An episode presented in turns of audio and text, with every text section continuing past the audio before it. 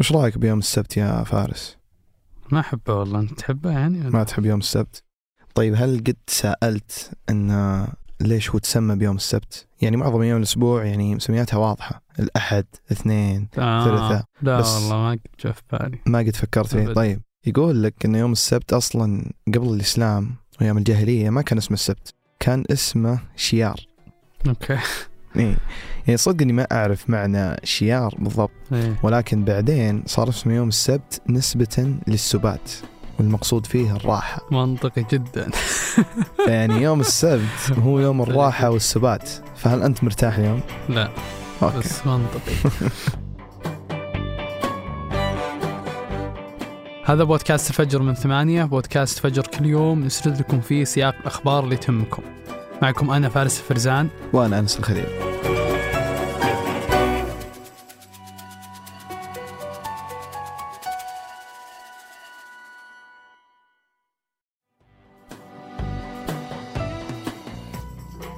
قبل سنة بالضبط انطلق الغزو الروسي لأوكرانيا. ووقتها دخل جنود الروس أوكرانيا بجاهزية ضعيفة على المستوى اللوجستي. فكان في ضعف بالإمدادات الغذائية اللي توصل للجيش بالجبهة وصعوبة بنقل المعدات العسكرية للداخل الأوكراني. وغير مسألة ضعف التجهيز تزعم نيويورك تايمز أن بعض الجنود كانوا يستخدمون ويكيبيديا حتى يتعلمون استخدام بعض الأسلحة اللي ما كانت مألوفة لهم.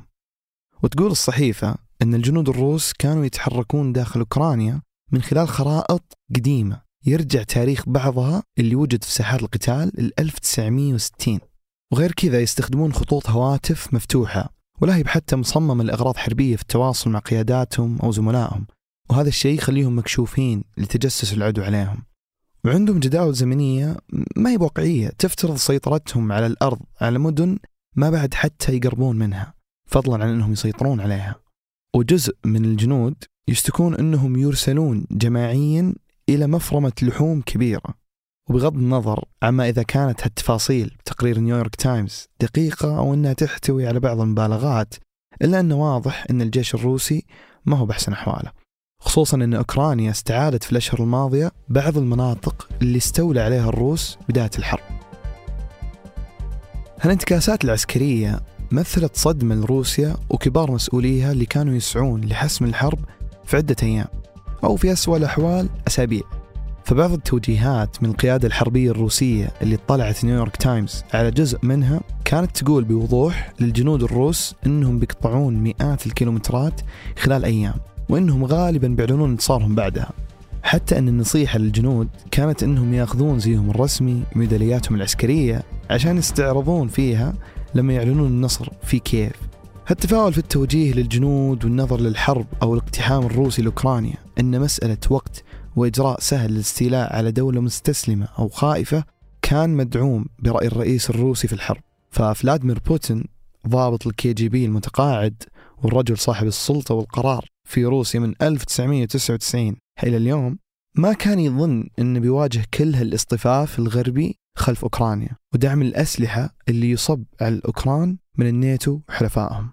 الخسائر الروسية والدعم الغربي الكبير لأوكرانيا صعبوا الحرب على روسيا اللي كانت أكثر تفاؤلا بأنها راح تحسمها لصالحها فقبل الاقتحام الروسي لأوكرانيا بثلاث شهور زار رئيس السي آي اي الأمريكية ويليام بيرنز موسكو وقابل نيكولاي باتروشيف أحد مستشاري الرئيس الروسي بوتين بيرنز قال لمستشار الرئيس الروسي إن إحنا دارين مخططاتكم لاقتحام أوكرانيا وإننا مع حلفائنا في الغرب بناخذ أقصى إجراءات عقابية ممكنة إذا نفذتوا اللي تعزمون عليه.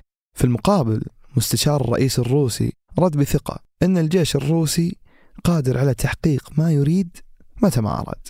الرسالة اللي أخذها المبعوث الأمريكي ووصلها لرئيسه إن الروس مقدمين على غزو أوكرانيا وإنهم ما هم في وارد التراجع. وهذا أعطى فرصة للأمريكان أنهم يحشدون جهودهم ضد الحرب الروسية على أوكرانيا قبل بدايتها بثلاث شهور ومع معرفة بوتين بحشد الأمريكان المسبق اللي بدأ ضد حربه قرر أنه ينكر الغزو أو نية الغزو وخلى قرار اقتحام أوكرانيا سري حتى عن قادة الجيش الكبار إلى قبل أيام من بداية الحرب وعن بعض القادة إلى قبل ساعات بس من إعلان الغزو.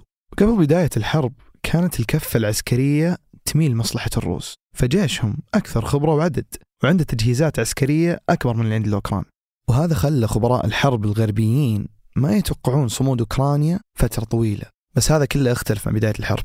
فالسرية المبالغ فيها في إخفاء الخطط عن القادة والجنود خلت التجهيزات الأولية ضعيفة والافتراضات اللي كانت متفائلة أكثر من اللازم سببت إحباط داخل محيط الجنود الروس. وتحول القوات الغازية السريع من حالة الهجوم للدفاع والخروج من المدن الكبيرة اللي سيطر عليها خلى أعداد الضحايا فيهم كبير. وصار هدف للصواريخ الغربية المتقدمة في الصناعة والدعم الاستخباراتي اللي يعطى القوات الأوكرانية على الأرض. واليوم بعد سنة من بداية الحرب يبدو أن القوات الروسية مثقلة بالخسائر. فبعض التقديرات تقول أن القتلى من الجنود الروس يوصل عددهم العشرات الآلاف.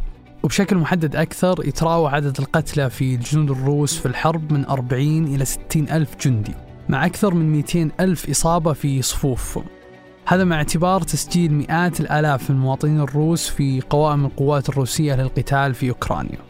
ومع تجنيد عدد من السجناء بما فيهم المسجونين بسبب إدانتهم بجرائم قتل للمشاركة في الحرب في أوكرانيا. وهذا كله ما كان السيناريو المتخيل في الكرملين ولا في ذهن بوتين. واللي كان في مخيلة الرئيس الروسي بحسب بعض المحللين أن بداية 2022 بيبدأ حرب تبدو له سهلة ومضمونة وأهدافها سريعة التحقق. عشان يقدر يحتفل فيها في 2023 هو يستقبل الانتخابات الرئاسية السنة الجاية.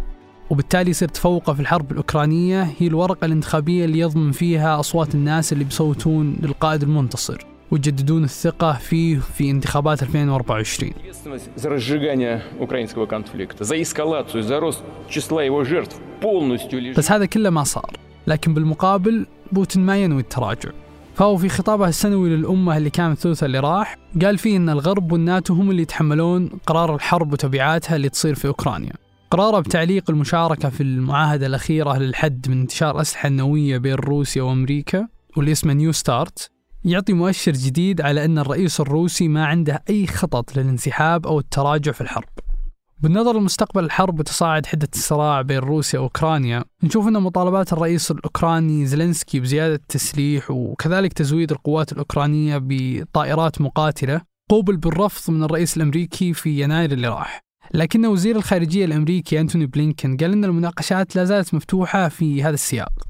وأعلن البيت الأبيض عن تقديم نصف مليار دولار من المساعدات لأوكرانيا خلال زيارة الرئيس بايدن للعاصمة الأوكرانية كييف الاثنين اللي راح. وأعلن كذلك عن مليارين دولار زيادة يوم الجمعة مع تزامن الذكرى السنوية على بداية الحرب. في الجانب الروسي ما يبدو أن باب المفاوضات خيار مفتوح لين الحين. فكل رسائل بوتين خلال خطابه الأخير توضح بأن درب الحرب طويل. ولا فيه نية للتراجع أو الانسحاب عنه. قبل ننهي الحلقة هذه أخبار على السريع. في آخر اكتشافات تلسكوب جيمس ويب اللي بدأ العمل عليه في يوليو الماضي تم رصد ست مجرات ضخمة يرجع تاريخها إلى عصور مبكرة من الكون. واكتشف العلماء المجرات باستخدام أداة في التلسكوب اسمها NIRCam. الأداة هذه قادرة أنها ترصد مجال الأشعة تحت الحمراء اللي لا يمكن ملاحظته بالعين المجردة.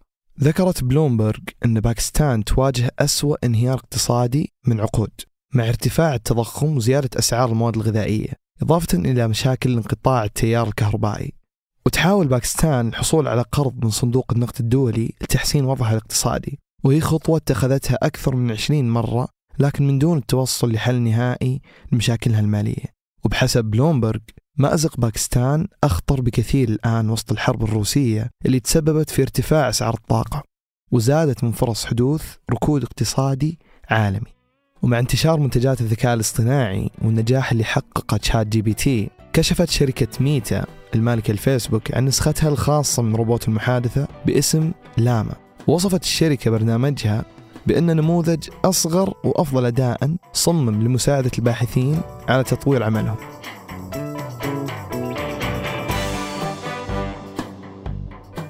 أنتج هذه الحلقة عبد العزيز الحبيل وقدمتها أنا فارس فرزان وأنا أنس الخليل. وراجعها فيصل جابر حررها محمد دوسري. نشوفكم بكرة الفجر.